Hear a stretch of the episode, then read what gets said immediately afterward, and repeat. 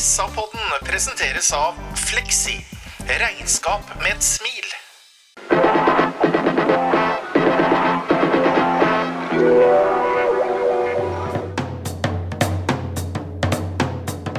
Sarpsborg Arbeiderblad gir deg en ny episode av SA-podden med Sven René Nygård, Øystein Weber, Petter Kalnes og Bjørn Inge Bingen Nilsen. Hjertelig velkommen til en ny utgave av eh, SAs fotballpodkast SA-podden.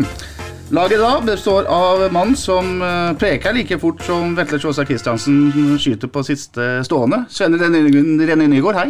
Hei på deg, Petter. Ja, Det er jo god sammenligning, da, for øvrig, bortsett fra at han bomma litt mer enn meg. Ja, Det var bra du sa det, for jeg hadde egentlig det med meg, jeg òg.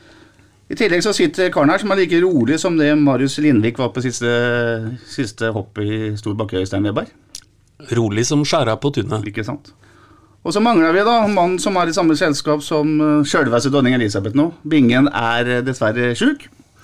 Og da kan vi jo slå fast at uh, selv en kar som Bingen kan bli prega av en verdensomspennende pandemi. Ja, Bingen er savna, men han, ryktene sier at han er straks tilbake, så dette kommer til å gå veldig fint. Han er med oss i ånden, i hvert fall. Gutter, vi skal ta det siste først når det gjelder Sarpsborg 8, og det er lørdagens fotballkamp på Sarpsborg stadion mot uh, Fredrikstad fotballklubb. En kamp det var stilt litt forventninger til etter uh, fine matcher i Spania, og så ble det ærlig talt, selv om det ble seier, en uh, liten nedtur. Ja, vi må være ærlige og si det. og øh, De er jo veldig selvkritiske sjøl òg. Jeg syns det for så vidt er et godt tegn. da, At, øh, at øh, Jeg hører jo både Joakim Bjørklund og, og sjefen sjøl, Billborn, etter kampen kaller dette her for en skitmatch. Litt skuffende er det, spesielt med tanke på at kampen åpna ganske bra, og han kom inn i et bra spor. Men, men, hva som er årsaken, vet jeg ikke. Men det beviser i hvert fall at en skal ikke kunne senke seg veldig mange prosentene før, før vi ikke er veldig gode. Stefan Bilborn sier at han hadde revet ned garderoben sin hvis dette her var en ligakamp. Det er deilig å høre. Da fyren er iallfall engasjert. Ja, nei da, det, Kampen var ikke grei i hele tatt. Vi vinner mot Fredrikstad, og det sier kanskje litt om styrkeforholdet vårt mellom de to byene nå også, når vi spiller en så dårlig kamp og Fredrikstad er veldig fornøyd med sitt eget spill. Men uh, vi skal ikke stikke under en stol uh, noe annet enn at uh, ingen kunne klaga på i hvert fall en uavgjort her i går. Men det som sjokkerte meg mest, det var Jeg fikk jo se kampen fra fugleperspektiv, og det var mye rart, altså. Det var Spesielt det defensive var over en, eller under enhver kritikk, og sidebekkene våre, de var ja, de var på gyngende grunn gang etter gang, så Men det her husker de opp igjen, og det er klart nå og spiller jeg fotball sjøl, og selv om det er et lokaloppgjør, så er ikke det lokaloppgjøret de lokaloppgjørene som vi hadde før i tida. fordi her er det masse fotballspillere som ikke har noe ordentlig forhold til Fredrikstad, på begge lag for så vidt, eller de lokaloppgjørene, da, og det blei ikke det trøkket som skulle være. Og så tror jeg 08 går ut og tenker at dette her skal bli grei skuring. Og eh, tenker man sånn, så vet man jo hvordan fotballkamper kan se ut. Mm. Man har vært 14 dager i Spania. Knallharde treninger, tre harde kamper. Kom hjem på onsdag, frivillig trening torsdag, trente hardt fredag. Er det noen fysiske forhold her som, som spiller inn, eh, som er en årsak til at prestasjonen blir såpass svak? Nei, jeg har lyst til å bare si nei. Uh, en kan sikkert uh, søke og lete etter noen uh, forklaringer, men jeg syns at det som ble levert i går, ikke er, er godt nok, og det syns jeg egentlig tåler å stå på egne ben. Mm. Dette var for dårlig. Men for all del, altså. Er det noe vi har fått så langt i denne preseason, så er det jo inn en ny boost med optimisme. Og den blir ikke, den blir ikke lagt død ved en sånn kamp. Vi får se på dette som en litt sånn lærepenge i forhold til at det må være 100% på. Men for all del, det er ikke mange dagene siden vi spilte en veldig god kamp, mm. så dette svinger. Mm. Vi kan snart forlate Fredrikstad-kampen og se det litt store bildet, Sven. Men uh, hva er det først og fremst, hvis vi holder oss til kampen på lørdag, da, hva er det først og fremst som ikke fungerer, hvis du tar det offensive først? Det er skjerping på alt, både det defensive og det offensive. Altså, det, er jo, altså, det er jo ingen grunn til at når man setter inn et høyt press eh, mot Krasjnodar, som har noen fotballspillere som er helt unike og har en ballbehandling som ingen andre norske spillere nesten har, og så klarer ikke de å spille seg ut når vi først setter inn presset. Og nå prøver vi på det samme mot Fredrikstad, og den spiller seg lett igjennom oss. Og det, det handler om skjerping i alle ledd. Og hvis én jukser, så, det, så, blir det et overtall et sted, og så er det ute og kjører. Og det gjelder også det defensive. Så her var det ja, Det kan ikke være slitne huer nå, fordi de har jo hatt en del dager fri òg, men var, jeg tror det gikk ekstremt mye på skjerping. Og jeg syns det var veldig spennende å stå på toppen der og høre Saletros. Mm. Hvordan han pressa de andre gutta fram og tilbake og flytta dem som PlayStation-brikker. Han, eh, han, tok ting på alvor, følte jeg, men eh, dessverre så var det en del spillere som eh, jeg tok det litt på hælen, tror jeg, da, mm. uten at jeg vet. Mm. Det så sånn ut. Han bruker nok en gang mye folk. Vi skal snakke litt om laget etter hvert, Øystein, men det ser ut som Billborn begynner å utkrystallisere dem som skal være med? Ja, så noenlunde så, så gjør han det. Jeg tror ikke det er sånn kjempemasse åpne plasser oppi, oppi Billborns hode. Jeg tror han begynner å se for seg noe som, han, begynner å se konturene av et serielag, men det er helt åpenbart noen posisjoner hvor det er tett enda. Mm. Siste vi kan ta om matchen på, på, lørdag, er interessen rundt selve kampen. Det kommer 1400 mennesker, var det ikke det det var? Eh, artig med så mye folk igjen på, på, match. Ja, og der er vi jo ved noe av på en måte litt sånn eh, kjerna ved, ved, fotball. Vi, hvis du tar en meningsmåling her i byen, så, så, så, vil du finne en deling i forhold til hvorvidt en hvorvidt en eh, ønsker de seg lokaldarbeid, egentlig. For en konsekvens av at det laget som ligger 17 km herfra er i en annen divisjon, gjør jo at det er dette her som på en måte blir uh, vårt uh, lokaldarby-tilbud. Uh, ingen tvil om at, uh, at det er en dimensjon i det som en mister. Men, eh, men, eh, mange vil også si at de lever utrolig godt med at vi er enerådende på eliteserielag her oppe. Og jeg vet ikke helt hva som er fasiten her, men, men disse kampene lever jo i hvert fall uansett eh, sitt eget liv. Og som du sier, dette var jo for så vidt en relativt tam treningskamp.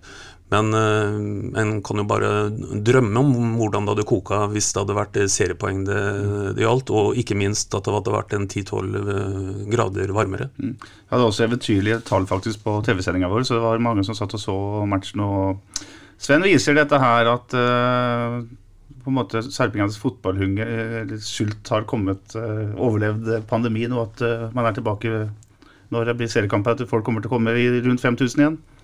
Ja, det tror jeg garantert. Men her handler jo alt også om det sportslige. Hvordan vil dette her se ut? Og jeg tror også det at det ikke bare at det var lokalløper, men det, det var en del Fredrikstad-folk der, men det var klart med sarpinger. Mm. Eh, det har jo vært så enorm positivitet nå. Eh, både for det vi har sett det, og fra uttalelser osv., osv., og, og på nettet merker at de er positive. Og med gode resultater så kom de hungrige er det ikke det, i går på den kampen for å se et 08-lag skulle virkelig trøkke til det Fresa-laget en gang for alle. liksom. Og så ble man litt skuffa. Det er de tingene som er litt, det, det, er litt trist i forhold til kampen i går. Når folk endelig nå får veldig trua, så blir de servert noe som ikke er så godt. Men her har vi jo god tid til å servere framover. Men det er ingen tvil om det. Den fotballen som Billboard ønsker å spille, og som vi har sett store konturer av der nede i Spania, hvis den blomstrer utover og poenga kommer, så kommer det masse sarpinger på tribunen. Mm.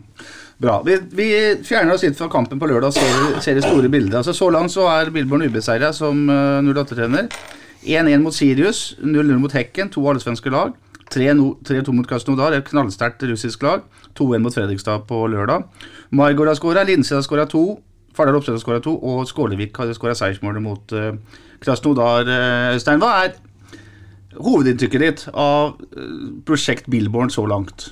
Hovedinntrykket er uh, positivt. Uh, hvis jeg skal trekke fram noe, og da holder vi kanskje siste kampen litt borte, og fokuserer litt på hva de visste oss fra Spania, så syns jeg de har vært veldig gode på på å gjenvinne ballen høyt i banen når de mista den.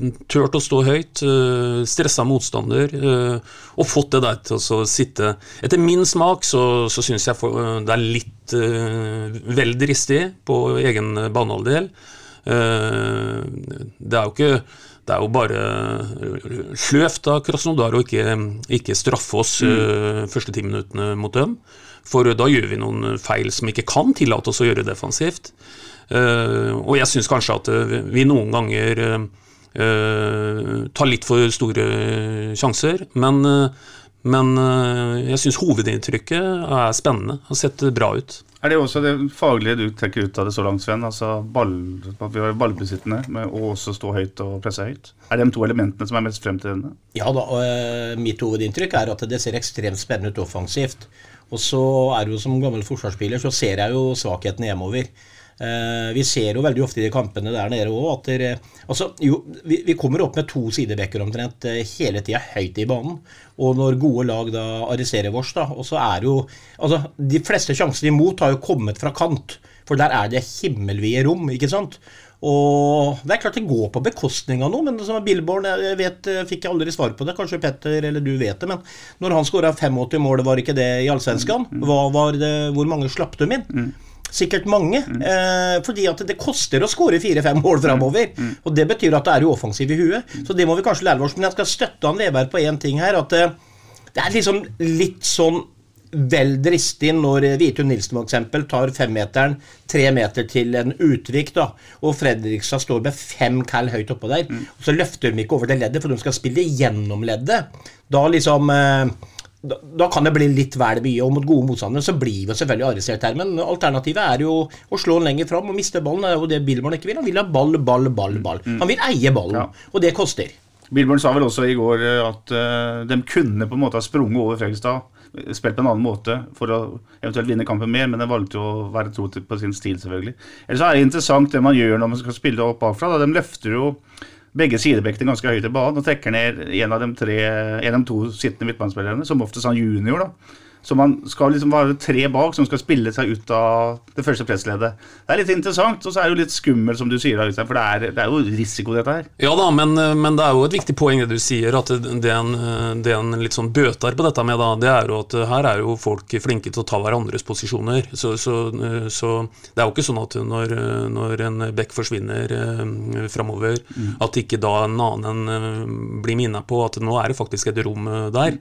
Mm. Og, og, det viktigste til syvende og sist er jo for, så vidt at en, at den bevarer kan du si, strukturen i posisjonene. Eh, ikke nødvendigvis hvem som til enhver tid står i de posisjonene. Da. Det er nok litt sånn en også tenker her. Mm. Ja, Den ene kampen, jeg eh, husker ikke hvem det var, men eh, når Jokke spilte venstreback, så la jeg merke til det at og Joakim var jo altså han var jo kantspiller mm. hele veien. Mm. Eh, og så hadde de en ny venstreback i junior. Mm. Ja. Og så Han falt jo ned i det rommet mm. hele tida, som Øystein sier her. Altså De frigjør han framover. Mm. Og så fort Jokka kommer seg ned, så går han inn og blir sentral igjen. ikke sant? Så de, de erstatter den bekken da med, med, junior når de har spilt gjennom mm. midtbaneleddet til motstander, og det er spennende. Og hvis eh, stopperne splitter så bredt at uh, på en måte de havner på hver sin bekk, så går junior i midten og har en uh, sentrale bak der når de spiller ut. Det er en viktig detalj. Uh, to sentrale på midtbanen. Der den ene er da den som skal ned og hente ball eller være med på å, spille fri. Den andre viktige rolla her, Sven, som jeg ser rent faglig sett, er jo den mellom rommet, altså der Linseth spilte, har spilt mest, mellom spiss og, og, midtbane. En slags lav spiss eller høy midtbanespiller. Eh, det handler om å få den spilleren rettvendt, og det er liksom litt av nøkkelen til angrepsspillet. Ja. Og jeg syns vi har sett en del av det, spesielt med Linseth. Han, eh, han, har vært involvert i veldig mye. Det gjorde han også som venstrekant. da. Mm, mm. Men det er klart den rolla der er viktig, og det, det er noe med at den her, kall den hengende spiss eller mm. offensive midtbane, den blir jo altså Hvis den er utrolig fotballklok, så finner den seg rom. Og har du kloke medspillere bak deg, sånn som Saletro f.eks., som finner de romma, så spiller du jo av et helt ledd umiddelbart. ikke sant? Og Samtidig så står vi høyt med alle de andre gutta, og da har jo motstanderen et kjempeproblem når han får rettvendt seg. Mm. Så det her er en øvelse, og hvis vi blir gode på dette her, så blir det utrolig spennende.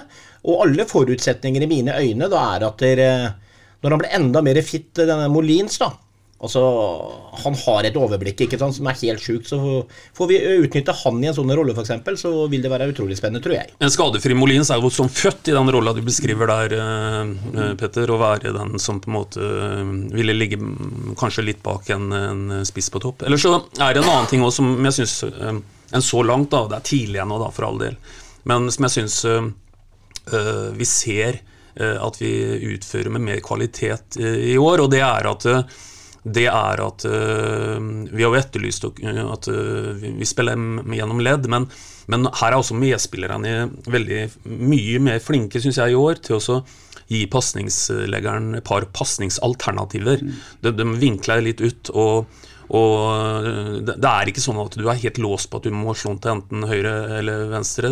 Du kan velge litt. Og, og, og det gjør også at eh, du, du greier å beholde ballen i større grad i laget da. Mm.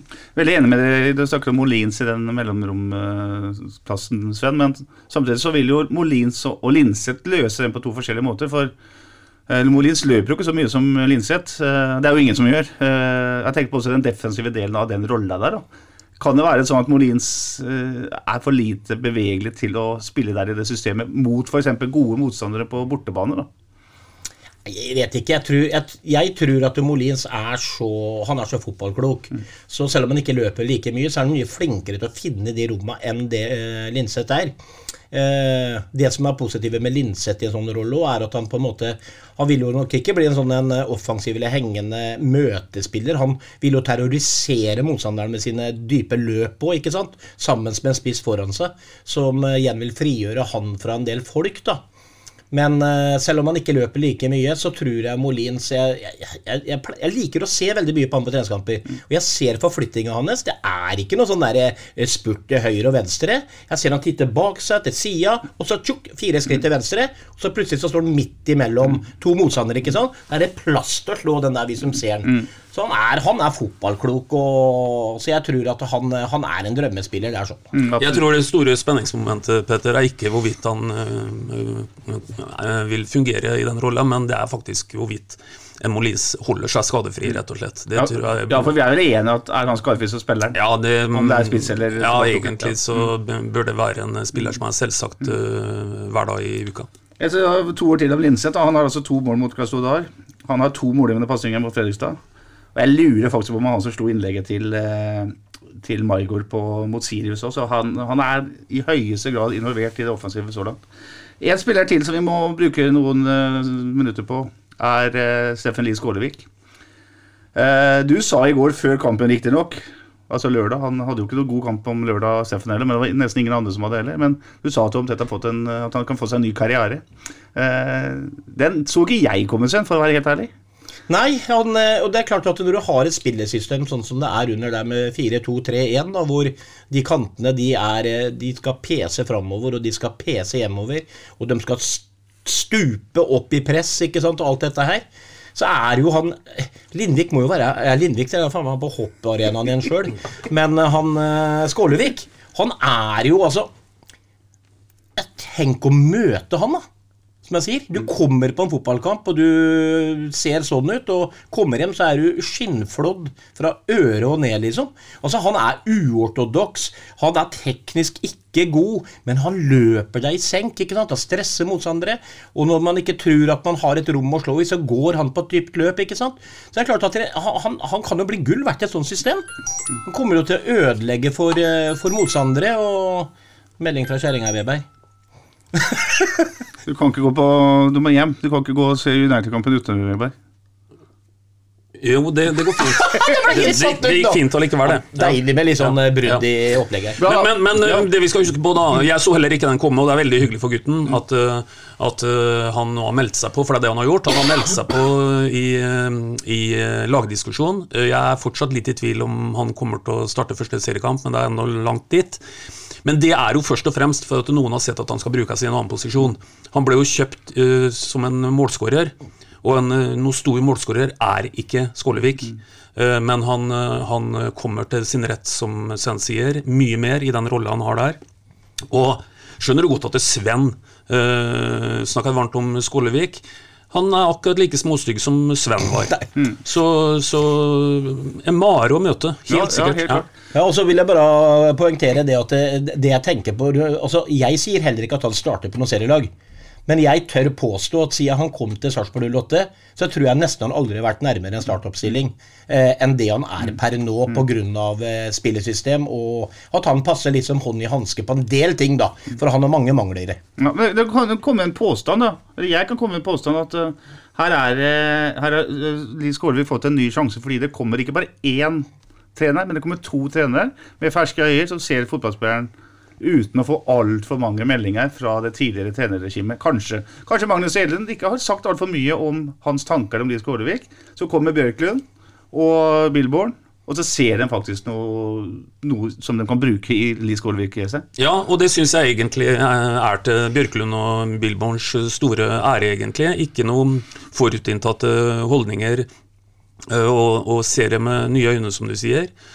Og jeg må jo si det når vi først nevner også de to guttene der, så, så er jo de veldig Da snakker jeg om Bjørklund og Billborn. De er jo de, de, er jo som skapte for oss å skape en ny entusiasme her i, her i, her i byen. Det virker jo som to knakende kjekke gutter som sikkert Eh, Sven og jeg kunne tenkt oss å tatt med oss på Oleris etterpå og sett fotballkamp sammen med. Jeg eh, snakka med noen som hadde vært på et sånt eh, sponsortreff her midt i uka, og da hadde disse trenerne vært, selvfølgelig. Og både i plenum, men også mens de satt rundt bordet, så gir de et fantastisk inntrykk. De snakka med folk, de er åpne. Bjørklund kunne jo han kunne jo vært så blasert som bare det, for fyren har jo vært med på det aller aller meste på fotballbanen.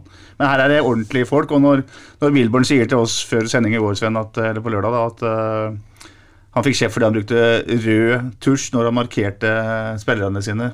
På første møte han hadde med noen i klubben.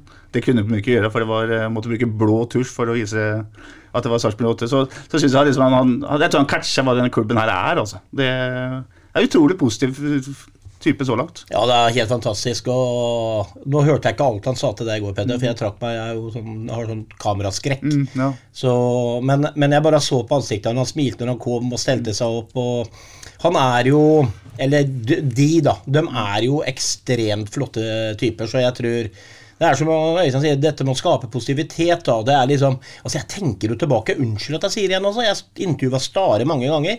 Det er liksom ja, skjønnheten og udyret, eller hva skal jeg kalle det for noe. Så det er, de er så rake motsetninger mm. som det går an. Og det er den Billborn-typen som folk vil ha, som media vil ha, og så tror jeg også spillerne vil ha den typen der. Mm. Ja, Det var det vi opplevde da Bakke og Aune fikk ordentlig sving på det, syns jeg, i 15, 16, 17 og 18 der. Bra. Eh, vi kan fortsette med litt uh, spillere på banen. Uh, det skrives mye i sosiale medier om spissrolla. Vi har hatt mye saker i SA om det òg. Thomas Berntsen har, gitt, har, sagt at de jakter en ny spiss. Vet ikke når han kommer. Og det er vanskelig å finne en som er god nok til å gå rett inn på laget, for det er det det handler om. Altså en erstatning til Kone. Fardal Opseth gjorde to mot uh, Fredrikstad Øystein. du har Molins, du har Kamara, og du har da en Skålevik f.eks. som et spissalternativ. Men først og fremst de tre førstnevnte der. Skal man bruke midler på en spiss Uh, haster det? Er, er, man nødt til å gjøre det, syns du det? Jeg er mye mer usikker nå enn jeg har vært tidligere. Og, og klubben signaliserte jo tydelig når Kone ble solgt, at, at han skulle, skulle, erstattes. Jeg er eh, ikke like sånn klokkeren på det nå. Det har litt sammenheng med flere ting. Det har også sammenheng med at, at, det vil koste en del kroner. Og og er usikker på eh, at en får det en eh, betaler for. Og vi skal hente en ganske eh, Vi skal treffe ganske godt, altså, hvis vi nå tenker en midtspiss som, som skal holde en Molins eller en Fardala ute av laget. For det er, ikke noe, noe dårlige spisser vi har i de to nevnte der. Så jeg er veldig usikker. Og så har du dette med skadehistorikk og den der tvisten rundt det, som også kan bli en sånn X-faktor oppi det hele. Så øh, veldig usikker. Uh, vet ikke helt hvor, uh, hvem butikk de skal gå inn i for å være sikre på at de får den vara de, de, er ute etter her. Så uh, Hadde du spurt meg for en måned siden, så hadde jeg hella mer i retning av at en skulle gjøre det. Nå er jeg litt mer usikker. Du har tidligere sagt Sven, at bruk penger på, eller bruk noen konerpenger til å hente inn spillere for å få dette laget enda bedre. Vil du ha en spiss? Ja, jeg, jeg vil ha en spiss, og det har jeg sagt hele tida. Det står jeg på. Men jeg vil ikke ha en spiss hvis ikke han er bedre enn dem vi har. Det, det har også vært alternativet med hele tida. Mm. At de Kone-pengene eh, Da må du finne en som er en litt målgaranti, sånn som de vet ikke, de har googla. Eh, det, det, må være kvalitet som kommer inn. Og helt enig med Veberg i det, at hvem butikken skal gå inn i, det er ikke mitt problem. Men når du spør meg om jeg vil ha en ny en, mm. så sier jeg ja. Mm. Og litt fordi at uh, Molins har skadehistorikken, som han øyser meg inn på, og litt fordi at jeg vil se enda mer Eh, kontinuitet i prestasjonene til eh, Oppsett. Eh, fordi at og, og så liker jeg ikke helt kroppsspråket hans hele tiden. Så hvis du hører på noe, unnskyld, men eh, gjør litt mer ut av deg sjøl der ute, og ta, gi litt mer juling. Og vær enda mer litt engasjert. Det er sånn jeg liker å se det. Og ikke være sånn eh, anonym i perioder. Altså må være på enda lengre perioder. Da. Så jeg ønsker meg en ny spiss. Det er svaret nok en gang. Vi har også en utlends, utlendingskvote som er en utfordring her. Der er man jo, balanserer man jo helt på en knivsegg, og der er man eh, der er det vel sånn at kommer en utlending til, så må en enten sitte på tribunen eller da bli leid bort eller, eller solgt. da. Så det er også en, en brikke med i dette spillet. Så det kan bli litt interessant å se hva som skjer, eh, skjer videre her. Eh, to nykommere som er eh, har kommet inn, er junior, som vi har nevnt litt tidligere. Men vi kan begynne med Anton Skipper, midtstopperen fra Danmark. eh, Øystein, hvilket inntrykk har du annet så langt? Et eh, ganske ålreit inntrykk, eh, eh, tror jeg vil karakterisere det så langt. Og virker jo, virker jo som en solid spiller bak der. Sterk i lufta. Det er jo som Espen Karlsen i gamle dager. For øvrig, når jeg kom inn på Espen Karlsen, Sven Han Åsmund, vet du. Faren til Espen. Åsmund er fin fyr. Ikke sant? Han fyller altså 90 år i morgen. 21. februar. Samme dato som kong Harald. Gratulerer med dagen, Åsmund. Gratulerer. Gratulerer så mye, Åsmund, og du holder deg jo like godt som meg, i hvert fall. Vet du om han Åsmund var en god hodespiller i sine Nei, det vet, det vet jeg ikke, men, eh, men Espen var sterk. Det, det vet dere Mm. alt om. Og da var det tidenes avsporing, var det ikke det? For vi, vi var på skipper. Ja. Nei, han har gjort et uh, bra inntrykk, men det er helt umulig i forhold til laguttaka så langt til Billborn å helt forstå uh, hvem konstellasjonen han kommer til å lande på bak der. Uh, for der har vi sett en, en litt forskjellige eh, par. Og det er jo som med alt annet, du får noe, du mister noe. Det er, det er forskjellige typer vi snakker om her. Så eh, Skipper er vel høyaktuell til en, eh, til en, eh, til en startplass, han, men helt hit er det ikke. Er de litt for like stopperne der, Sven, med tanke på at de er Hvis årets det til Utvik, Ness og Skipper, så så er det jo duellspillere her. De er, de er gode i, i, i duellspillet, men alle tre har vel noen begrensninger med ball i bena. Ja. Ser iallfall ut, da, så langt. Men da tok du ikke med Magnar, da. Nei, derfor holder jeg han litt utafor, for han er litt annen type, syns jeg. Ja. Og også Ness, selvfølgelig, hvis han blir aktuell der. Ja. Nei da, altså Men det jeg har sett av Skipper, det er eh, Altså, han er ikke anonym. Han gjør jobben sin, jeg er helt enig. Han har absolutt uh, gjort det bra. Uh, han, jeg syns også han er veldig god for så vidt med ballen i beina. Eh, Utvik, han er Han tror jeg ikke man kommer utenom, det er i hvert fall min mening. For det er liksom krumtappen bak der, og det er eh, si, verbal kommunikasjon, og det er dødsforakt og det, det, Aldri dårlig, egentlig. Nei, han er ikke det. Og jeg merka liksom i går og når han kom inn, at det blei liksom litt mer sånn svung baki der. Så han, han har jeg som en, en eh, sikker der. Og så Stå helt stille her. Tredjemann du sa? Ness? Ness. Det er klart at han har også I utgangspunktet så har jo han en fot, ikke sant, som er ganske unik. Han, eh, hvis de skal ha ballspillere bak der, så er han en bra pasningsspiller. Og det er klart at hvis han står litt høyt i banen bak der med fireren sin, og han får tak i den ballen, så kan du jo plutselig hoppe over alle leddene og sette en, eh, en Rashad hvis han spiller alene med keeper. ikke sant? Så han har jo sin forse der, men eh, Nei da, det blir tøft å ta ut det laget der. Det er ikke noe tvil om det. Eh, Så kan vi diskutere da om konkurransen er så tøff fordi at alle er så dritgode, eller om konkurransen er tøff for at alle er brukbare. Ja, ikke sant? Ja. Det er jo to måter å se det på. Ja, men det er jo, ja, men det, er jo det. Altså, som jeg sier, eh, jeg sier Alle de her er gode fotballspillere. Eh, men det er såpass jevnt at vi har kanskje ikke den store stjerna der. Stjerna er kanskje Utvik på grunn av at han er den personen han er i duellspill og sånn.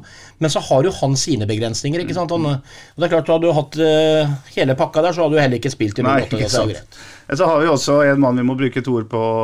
Øystein, Det er jo Jørgen Horn. Eh, 35 år og har vel snart flere comeback enn Kjell Bekkelund hadde som eh, pianist i gamle dager. Er, en, er helt fantastisk. Ja, helt utrolig. Og vi har vært inne på det før. Det er nesten sånn at en har en del litt ambivalent forhold til, til å se ham på banen, for en ønsker jo av hele sitt hjerte at han ikke skal gå på en ny smell. Og det er klart det er en spiller som eh, historisk sett ikke har vært noe spesielt snill mot eh, seg sjøl i dueller osv. Så, videre. så en viss risiko ligger jo der. Det er jo helt åpenbart også når det gjelder Jørgen Horn, at han ikke er avskrevet av dem som styrer faget der nede. til det har han jo spilt altfor mye. Så han er jo åpenbart en de, de ser for seg at det kan være en uh, som skal spille bak der. Men igjen, noe som Svein også er inne på, jeg syns det er vanskelig nå å peke sånn klokkerent på, på uh, to stykk. Det, det er, uh, er, for tight. Ja, helt enig. Vi skal prøve etter hvert å se om vi kan finne et lag per nå, men være feilvendt spiss med, mot Jørgen Horn er ikke noe morsomt. Sånn. Altså, Jørgen er jo Han er jo en supporters drøm òg, ikke mm. sant? Å ha en sånn en på sitt lag. Det er eh, Jeg har sett han i så mange fotballkamper eh, helt fra langt tilbake i Østfoldhallen. og eh, før han kom til byen her. og Det er liksom, det, det, er, noe, det er så majestetisk, det han gjør. Han utstråler en sånn der Han er sånn hoven fyr med haka opp etter han har dunka til deg, så ligger du og spytter litt blod, så titter han ned på deg og spør går det greit, kamerat, liksom. Mm, mm. Uh, han er bare den. Og, han Jørgen, han Jeg syns det første kampen hans var ganske brukbar. Uh, men det er klart, nå har Jørgen altså kommet i gang for fullt for første gang på evigheter. Det er masse treninger, han har fått spilt mange minutter. Jeg syns han begynte å bli litt seig nå på de siste kampene der. Eh, men ære være hvis han klarer på en måte å få restituert seg og, og få enda litt mer trøkk i bena sine, så skal du ikke undervurdere en sånn spiller. Han var en par dueller etter han kom inn i går òg, hvor de løfter inn i boksen der. Og kjære alpakka, du hører det dunker. Mm. Ferdig med det. Ja Og så har han en dimensjon som, eh, som, alle fotballspillere ikke har, da, og det er en enorm rutine. Uh, det fins vel knapt en mer rutinert mann enn han, så det er klart at det, det han i dag mangler på å ikke være Han er selvsagt ikke noe Usain Bolt, det er vel kanskje ingen som er det, da, men men, men han, han, kompenserer jo en del med å være klok. Da. Det, det er jo lett å se det. Mm, mm.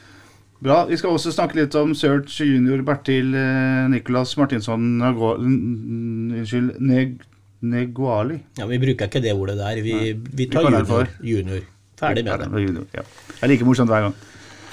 Han har eh, syns jeg har gjort veldig bra i perioder. Så syns jeg han har hatt et par siste kamper der han har mista litt eh, for mye ball. Eh, men Sammen med Saleto så ser dette veldig bra ut, syns jeg.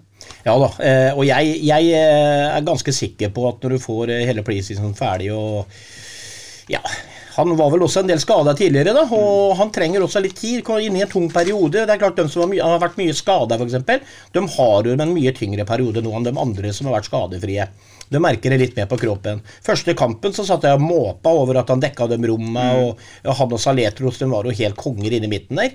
De eh, overlappa hverandre og skjærte av vinkler og ordna. Og så er jeg helt enig, jeg har hatt en litt sånn eh, vært en del balltap og litt så rare ting. Virka litt tung og sånn. Men eh, jeg prøvde å analysere den litt fra fugleperspektiv i går og så en del situasjoner hvor han er, han er altså trygg med ball, altså i mm, utgangspunktet. Mm, mm. Altså, han, han, kan få et hardt oppspill med to spillere rundt seg som er kanskje én meter unna han, og likevel så klarer han å ha så korte, gode touch at de får aldri tak i den ballen. ikke sant? Så han er veldig flink til å få forflytte seg.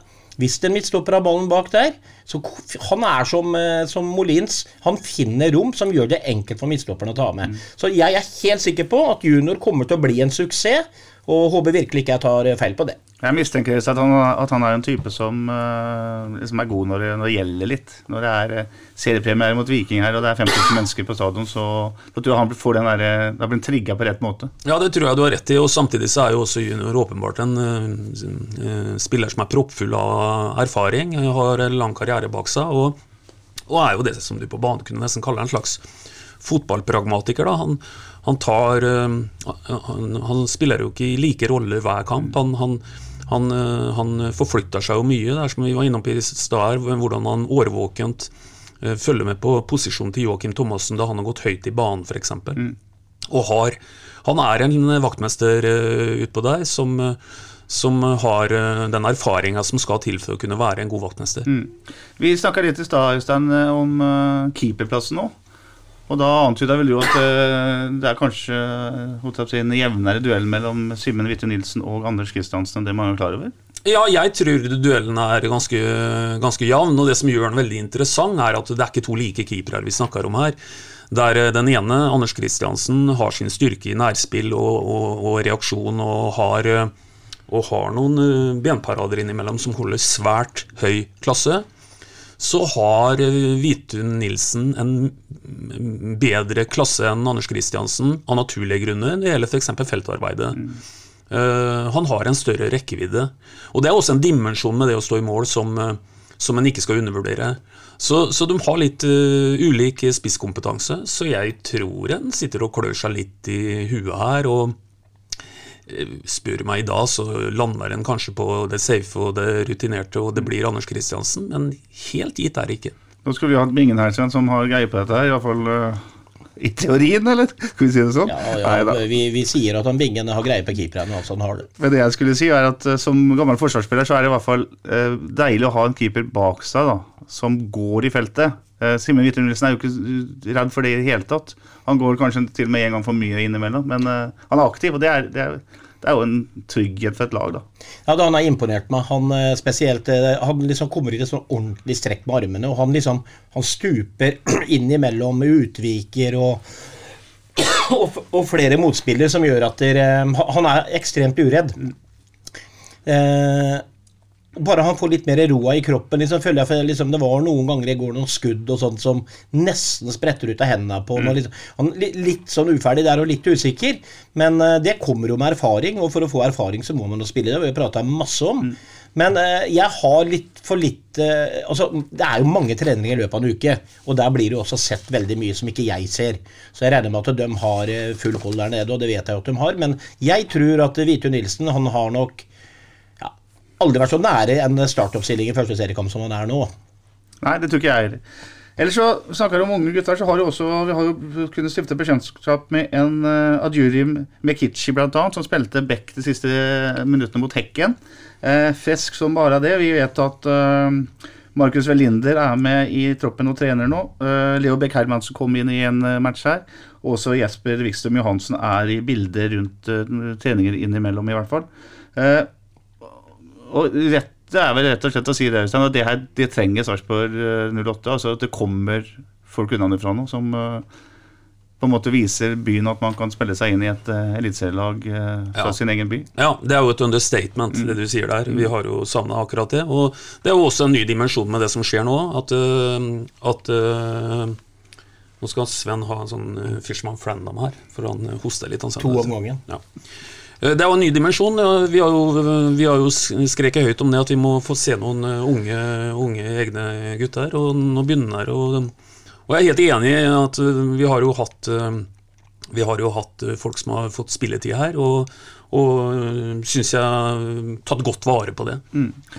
Ålreit, skal vi gjøre et lite forsøk? da? Vi tar ut et uh, lag som ser uh, ut som et uh, førstelag per nå. Hvem velger vi, Hvis vi måtte velge, Sven, hvem vil du ha i mål akkurat nå? Nei, altså, jeg er litt feig nå, men uh, som sagt, jeg ser for lite treninger. Men uh, bare sånn for sikkerhets skyld så hadde jeg tatt Kristiansen akkurat nå. På sidebekkene så har Eirik Viknes sett ut som et foretrukket valg til høyre og Joakim Thomassen uh, til venstre. Alternativet til høyre er Magnar Ødegaard har spilt der. Og så har Ole Jørgen Halvorsen spilt de to siste kampene fra start. Og så har Joakim Soltvedt vært alternativet på venstrebekken. Eh. for meg så er det et, ganske enkelt å plukke ut de to som jeg vil ha dem, men eh, hva sier du, Øystein? Nei, Jeg sier at det er relativt enkelt. Mm. Det er Vikne til høyre, og det er uh, kapteinen sjøl til venstre. Og så kommer det første store problemet, da. Uh, Ødegård, Utvik, Jørgen Horn, Anton Skipper. Så kan vi ta med Nicolay Næss. Ja, det, er jo, det, er, det, er, det der er så dødsfall. Jeg, jeg, jeg, tar, jeg, jeg tar ut den første, skal Øystein ta den andre. Men jeg tar ut Utvik. Fordi du har dyrest caps som fikk lov til det. Ja, ja, Øystein har jo knapt eh, garderobe som koster mer enn eh, capsen min. Han sier mye rart, han Svein, altså. Nei, Han gjør det så enkelt for meg. altså Han tar ut uh, Utvik, og da skal jeg um, supplere. Uh, nei, altså da lander jeg vel jeg på uh, Anton Skipper, uh, i forhold til at han er en uh, Han er uh, solid uh, duellspiller. uh, sterk i lufta. Eh, og så er det jo bestandig sånn at du du får noe, du, du mister noe, med, og det er ulike typer. Men, eh, men jeg får lande på Anton Skipper. Det er for ikke noen tvil om at man er godt forspent på stoppeplass. Det er, eh, det er helt soleklart. Sentralt på midten så ser det ut som det er tre alternativer nå. Det er eh, på to plasser, da. Saletros, junior, Niklai Næss. Og så kan vi er Mendy litt i bak, bakgrunnen der, Svein. Vi må ta ut to. Det blir, eh, det blir eh, junior, og så blir det Å, herregud. er- Anton. Anton, selvfølgelig. Anton Anton, Saletros. Det blir for mye rare navn nå, vet du. Bra. Så kommer vi til den, eh, den viktige mellomromsspilleren, altså den eh, offensive midtbanespilleren, der Linseth har eh, spilt eh, mest, men der også faktisk Skålevik spilte mot eh, Sirius, og også Maigård i en periode. Hvem eh, velger vi der? Nå må vi også tenke hva vi gjør med, spissplassen, ikke sant? Vi kan jo egentlig ta de to plassene der i vi. For på toppen her så har du jo Molins, du har eh, eh, Kristian Fardal Opseth, og du har Kamara. Og vi kan ta med Skålevik, og også Rashad kan også spille midtspiss, selvfølgelig. Ja, nå øh, ga Sven meg en litt sånn en, øh, stafettpinne på, på at han tok ut den ene stopperen, skal jeg ta den andre. Nå skal jeg være snillere med Svein, jeg skal ta ut den fire siste her, ja. Ja. Bare så vi, vi har det helt klart. Og da, da spiller vi med Molins øh, bak Fardal, så det blir liksom den rette linja rett framover der. Og så, sorry Skålevik, du har gjort det veldig bra så langt, men du kommer ikke med i min elver, for der øh, har jeg Linseth og Maigård i de to siderollene der. Er du enig, Svein? Nei da, det, akkurat det der den hadde jeg tatt ut sjøl. Den, eh, den er helt riktig. Ja. Men eh, per nå, da. Ja. Og Altså, så- Og så bare en, en liten presisering til når vi, det vi diskuterte i stad i forhold til hvorvidt vi skal forsterke eller ikke.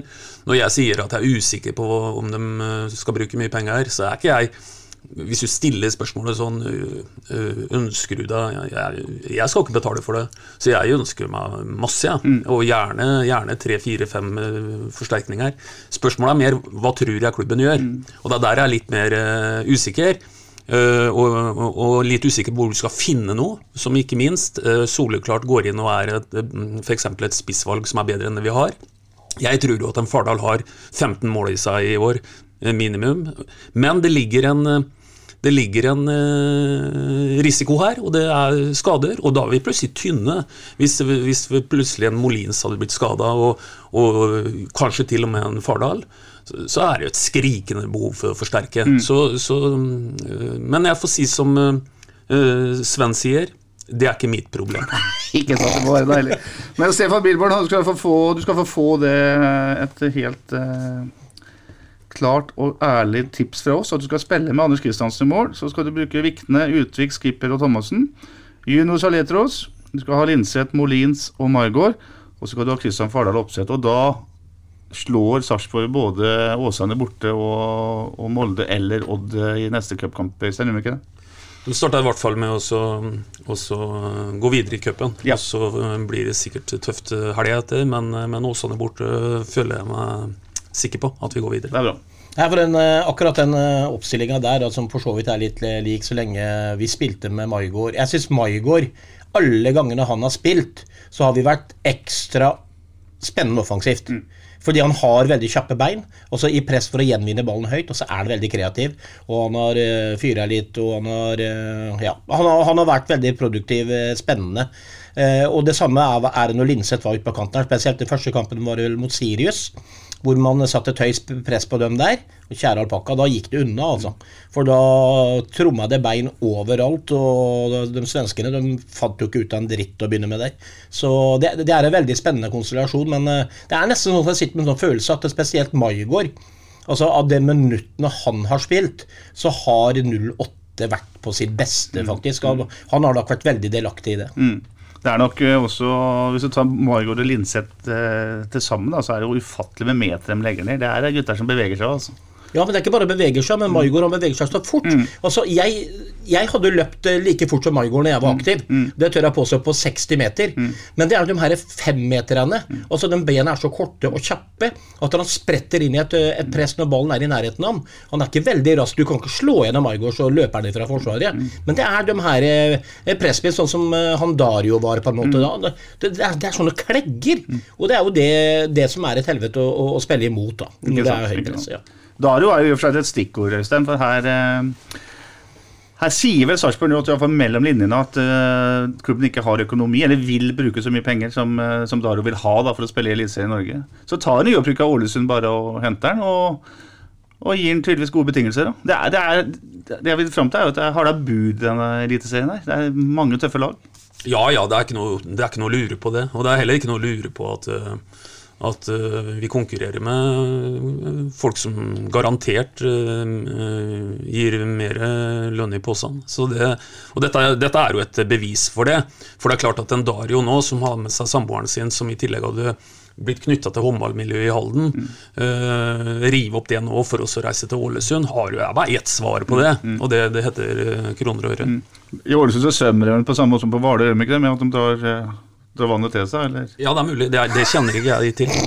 Nei, du er ikke så, du er ikke så glad i å svømme, heller, Du, du Han er glad, han er glad i å gå, det kan vi glad si. i god, det. Ja. Veldig bra. veldig bra. Eh, Sven, eh, sesongen er jo litt spesiell i og med at det er en cupkamp som kommer om bare eh, tre uker. Og forhåpentligvis også en cupkamp til etter der. Nå er det eh, Odd borte på søndagen, eh, treningskamp, og det er KFUM hjemme helga deretter. Og så er det da Åsane i Bergen i åttedelsfinalen i cupen. Hadde du som trener eh, spilt med et antatt toppa lag mot KFUM, og, eller Odd og KFUM, for å på en måte få relasjonene ordentlig i gang? Ja, Om ikke toppa, så i hvert fall nær inntil. Eh, han er jo helt, eller Døm er jo helt sikkert litt usikker. Vi sitter her og diskuterer midtstopper og ditt og datten. Så her kan man jo la Der hvor man er veldig usikker, da, der kan man eh, eh, kanskje gi litt rom for at man spiller litt hver seg. Men der hvor man er sikker, så syns jeg man nå mø, snart må begynne å, å spisse litt. fordi altså, det er ikke lenge til Åsane. Og dette er en cupkamp, og vi vet jo hva det dreier seg om her i byen etter to cupfinaler. Selv om vi skal møte Molde, så er det kanskje det beste tidspunktet å møte Molde på, da, før de også er drilla inn. ikke sant? Så han, eh, vi, vi kan liksom ikke bruke 22 spillere i alle kampene fram til Åsane, syns jeg. Så, men det tror jeg ikke de kommer til å gjøre heller. Spiller nok eh, etter hvert med en del av dem etablerte nå, for å få et enda eh, Vi kommer nok til å se Saletros, vil jeg tenke, og junior en del sammen utover nå, og sentralt. og og det Nei, det hadde i hvert fall jeg gjort som trener. Men det er klart, du må jo la dem usikre Dem må man jo på en måte få en amerikansk uttagning på. Og, men når de er usikre og spiller på eliteserielag, så er det jo såpass høy kvalitet at da, da vil det bli bra likevel. Ja, og alle som har spilt fotball, vet jo f.eks. at hvis du skal være midtstopper Øystein, sammen med kamerat, så er det viktig at du du må jo ha reaksjon til den. At ikke det kommer en uh, forskjellig kar hver gang. liksom. Ja, jeg er helt enig, så, og, og jeg tror han tenker sånn som, som Sven veldig riktig sier her nå. Eller så kan vi jo, det kan vi jo dvele over kanskje ved neste pod, når vi etter hvert blir litt mer cuporienterte og kommer med noe litt lenger fram her. Men det er også en interessant uh, sak her, Peter. Jeg har ikke fintitta på noen statistikk på det, men det nye her i byen er jo at vi spiller jo bare bortekamper i cupen. sant? Det er jo nesten, Du kommer jo ikke omtrent på en hjemmekamp i cupen. Jeg kommer sånn i farta på en startkamp i en åttendelsfinale og en Odd-kamp i en kvartfinale. Da vi- Krepin skåra det da har vi- sinnssyke målet. Ja, ja, da har vi Ja, den ene, ene de- kvart, kvart der er syv år tilbake. Eh, ellers har det jo bare vært borte. De to gangene vi har vært i finalen, så har det vært to bortesemier. Nå, nå blir det borte i en kvart igjen hvis vi går videre nå i den, eh, den første kampen, som også er borte. Så, så, så vi, vi får jo ikke noe drahjelp der, da, for å si det sånn. Nei, For det er vel den der kilometerregelen som gjelder, er det ikke det? i Nei, det er ren, ren nå. Jo, jo, men eh, sånn som det har vært tidligere, så har det vært sånn at her på Østlandet så er det jo mange lag du kan møte. Så det blir satt opp, og så blir det korte borteturer.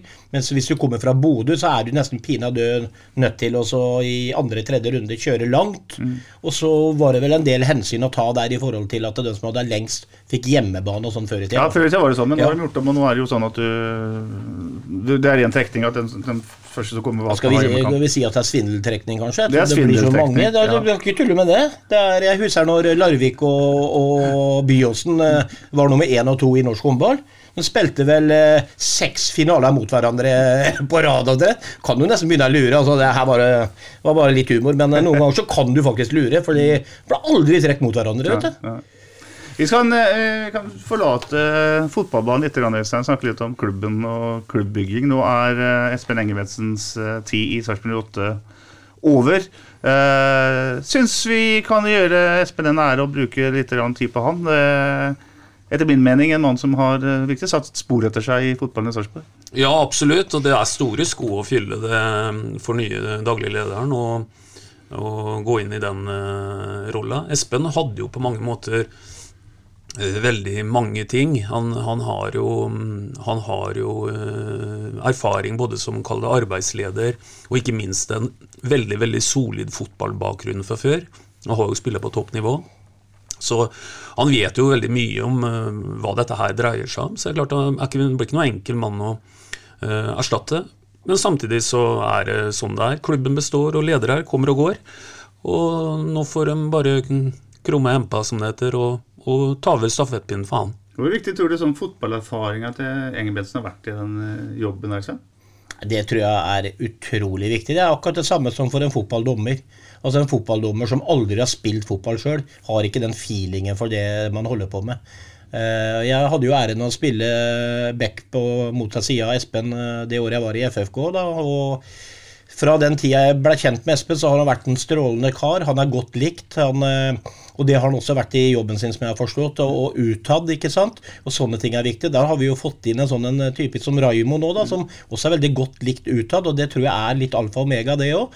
Men uh, rent svar på spørsmålet ditt, så tror jeg det med fotballerfaringa den har ekstremt mye å, å si. For det, det, rører seg mye i en fotballklubb og en fotballspillers hode. Og, og det å være en daglig leder og, og, ha innsikt i det, tror jeg er veldig viktig. Mm.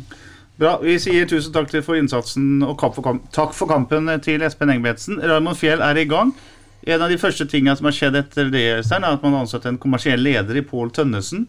Uh, kjent figur i både fotball- og håndballmiljø i byen, og var jo også valgt leder av Sarpsborg idrettsråd i en periode her.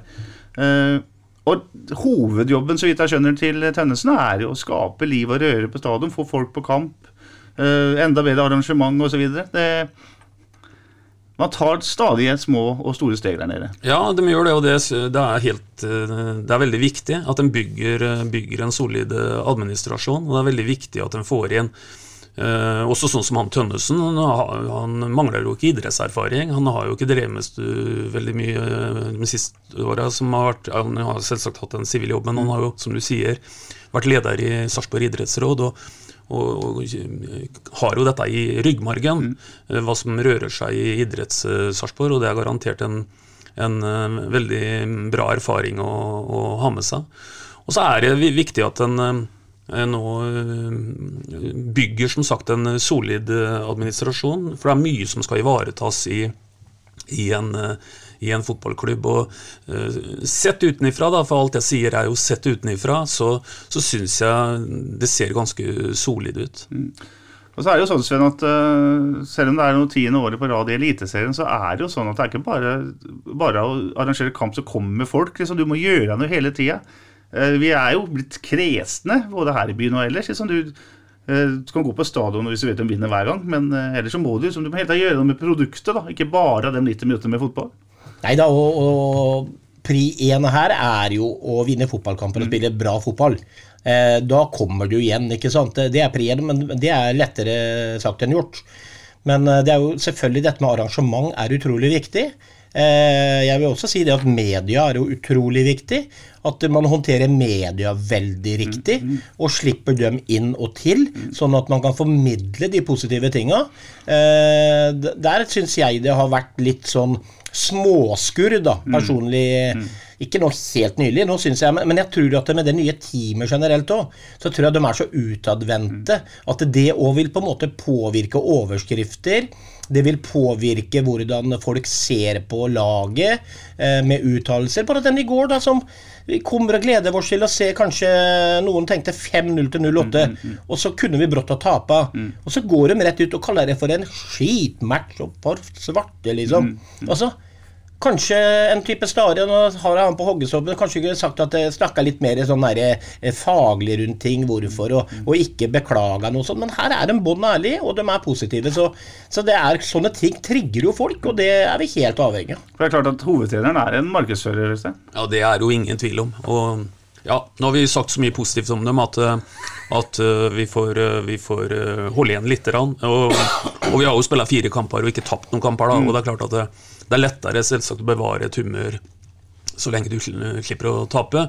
Uh, han som Sven kommer tilbake til, han sto jo ganske stritt i det til å begynne med da når, når, når vi åpna serien med fem strake tap. Mm. Men at det, hovedtreneren og, og, og uh, opplegget rundt dette her er, er eh, omdømmeskapere og markedsførere og alt som har med, med klubben sånn sett å gjøre. Det er jo ingen som helst tvil om, og de har gjort et fantastisk inntrykk så langt.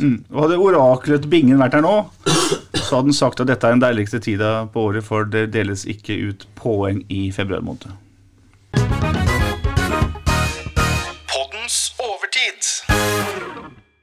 Lørdag så slo altså Sarpsborg 8 Fredrikstad med 2-1 på Sarpsborg stadion. Og det Øystein, det betyr at det er ti år siden eh, Fredrikstad klarte noe annet enn å tape for Sarpsborg 80 i en fotballkamp. Ja, hva skal vi si? Det har rent en del vann i elva siden, eh, siden jeg satt smånervøs eh, på Dickens, Sven, foran en kamp du skulle kommentere 6.11.2009, og hvor, eh, og hvor vi skulle ned og møte virkelig storebror, og, og det satt mange der med ganske mange studiepoeng som lurte på om vi skulle bli slakta. og var vel noen som tenkte sånn at eh, et 5-0-tap, det lever vi med, men mer enn det da blir stygt. Så kjenner alle den historia. Og så har alt snudd. ikke sant? Nå har alt snudd. Og, og det er jo ingen tvil om at uh, fotballhegemoni i Østfold befinner seg uh, på én ende. Det er det jo ingen som helst tvil om. Og Det oppsiktsvekkende er jo i og for seg at de, det er jo ikke mange konkurransekamper som har spilt mellom dem nå. Eh, Men det er jo faktisk bare én gang i, eh, i Eliteserien da, i 2011 at Fredrikstad vant. Man vant 4-1 på, på Sarpsborg stadion. Ellers så vant jo Sarpsborg 8 i 2009. Eh, Sarpsborg 8 vant i førstedivisjon. Eh, man har vunnet to cupkamper, og så har da to seriekamper i Eliteserien og førstedivisjon endt eh, uavgjort. Det betyr Sven, at uh, Sarpsborg 08 eh, knapt nok har tapt for, for naboen. Og hvis vi skulle sagt det når, den gangen du spilte, da, som den Judas du var i ditt periode fløy til Fredrikstad eh, For da var det sånn som du sa på lørdag, at det her var sånn som det var i gamle dager, at da Sarpsborg fikk lov til å være med på leken i en treningskamp mot Fredrikstad, og så vant Fredrikstad. Sånn er det ikke lenger. Nei, sånn er det ikke lenger. Og når vi sitter og snakker For å forsterke det jeg bestandig har sagt, det er at der, da det snudde i Sarpsborg, det var den 6. november i 2009. Og det er jo ikke noe tvil om, og det sitter jo bare og ramser opp her i forhold til interne kamper mellom dem også. Og vi ser hvor vi er i dag, og hvordan tru vi fikk på den gangen der. Men det har selvfølgelig blitt et enormt skille mellom. altså det det er ikke bare det at de er divisjon under oss nå, de har jo vært to divisjoner under oss i flere år. Så det har jo vært helt krise, det der nede, selvfølgelig. Og ja, det er, det er, Bare om du nevner den datoen, så blir det litt spesielt. fordi at man sier dette her at man var redd for å bli slakta og sånn. Og jeg skal være ærlig og si at når jeg dro nedover der, så hadde jeg bange anelser om at dette her kommer til å kunne bli vanskelig og stygt. Helt til jeg kom under den der brua på vei inn til sentrum, som jeg har sagt mange ganger, hvor det henger en banner 'Pell dere hjem, jævla smurfer', sto det. Og der og da, når jeg kjørte under den, Petter, så da fikk jeg en sånn en, Nå får jeg gåsehud av å sitte og prate. Da fikk jeg en sånn en i kroppen. Ikke faen! Det her! Nå, nå kommer vi og tar dere, som jeg også sa en gang. Og, det, og det tror jeg også spillerne de, de, de dro ned der med sånn underdog-stempel. De ble sett ned på. Eh, ja, de, de fikk trua på det rett og slett fordi vi var så underdogs og vi ble stakka så ille ned. Og det er klart, her er det fotballspillere, altså med Martin Wiig, Øyvind Hoaas, Breive altså de, de, de smila jo herifra til Fredrikstad på vei nedover, antageligvis, for de bare gleda seg. Så det her blei jo helt eh, fantastisk, og det har vi snakka om mange ganger. Men det er én ting som vi også skal dvele litt ved, da, eh, Petter. Og det er at eh, vi har jo ikke disse oppgjøra eh, lenger, så lenge vi spiller i forskjellige divisjoner.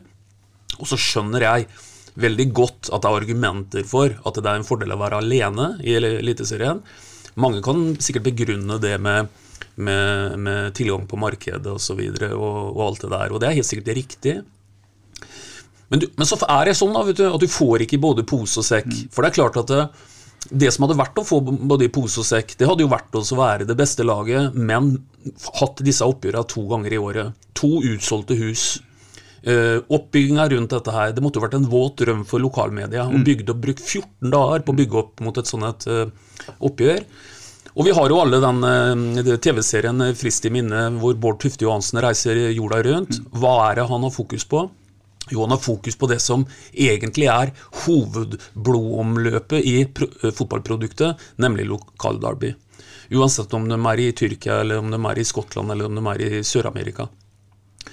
Og vi har tross alt da, historisk sett et eh, oppgjør som du flere ganger har sagt at det sjølveste Arne Ball, Arne Skeie, sa at det var alle lokaloppgjørs mor, nemlig oppgjøret mellom Sarpsborg og Fredrikstad. Så vi mister noe òg ved at vi ikke, vi ikke kriger om eh, seriepoeng. Og så får vi noe i forhold til at vi er enerådende i, i Østfold-fotballen.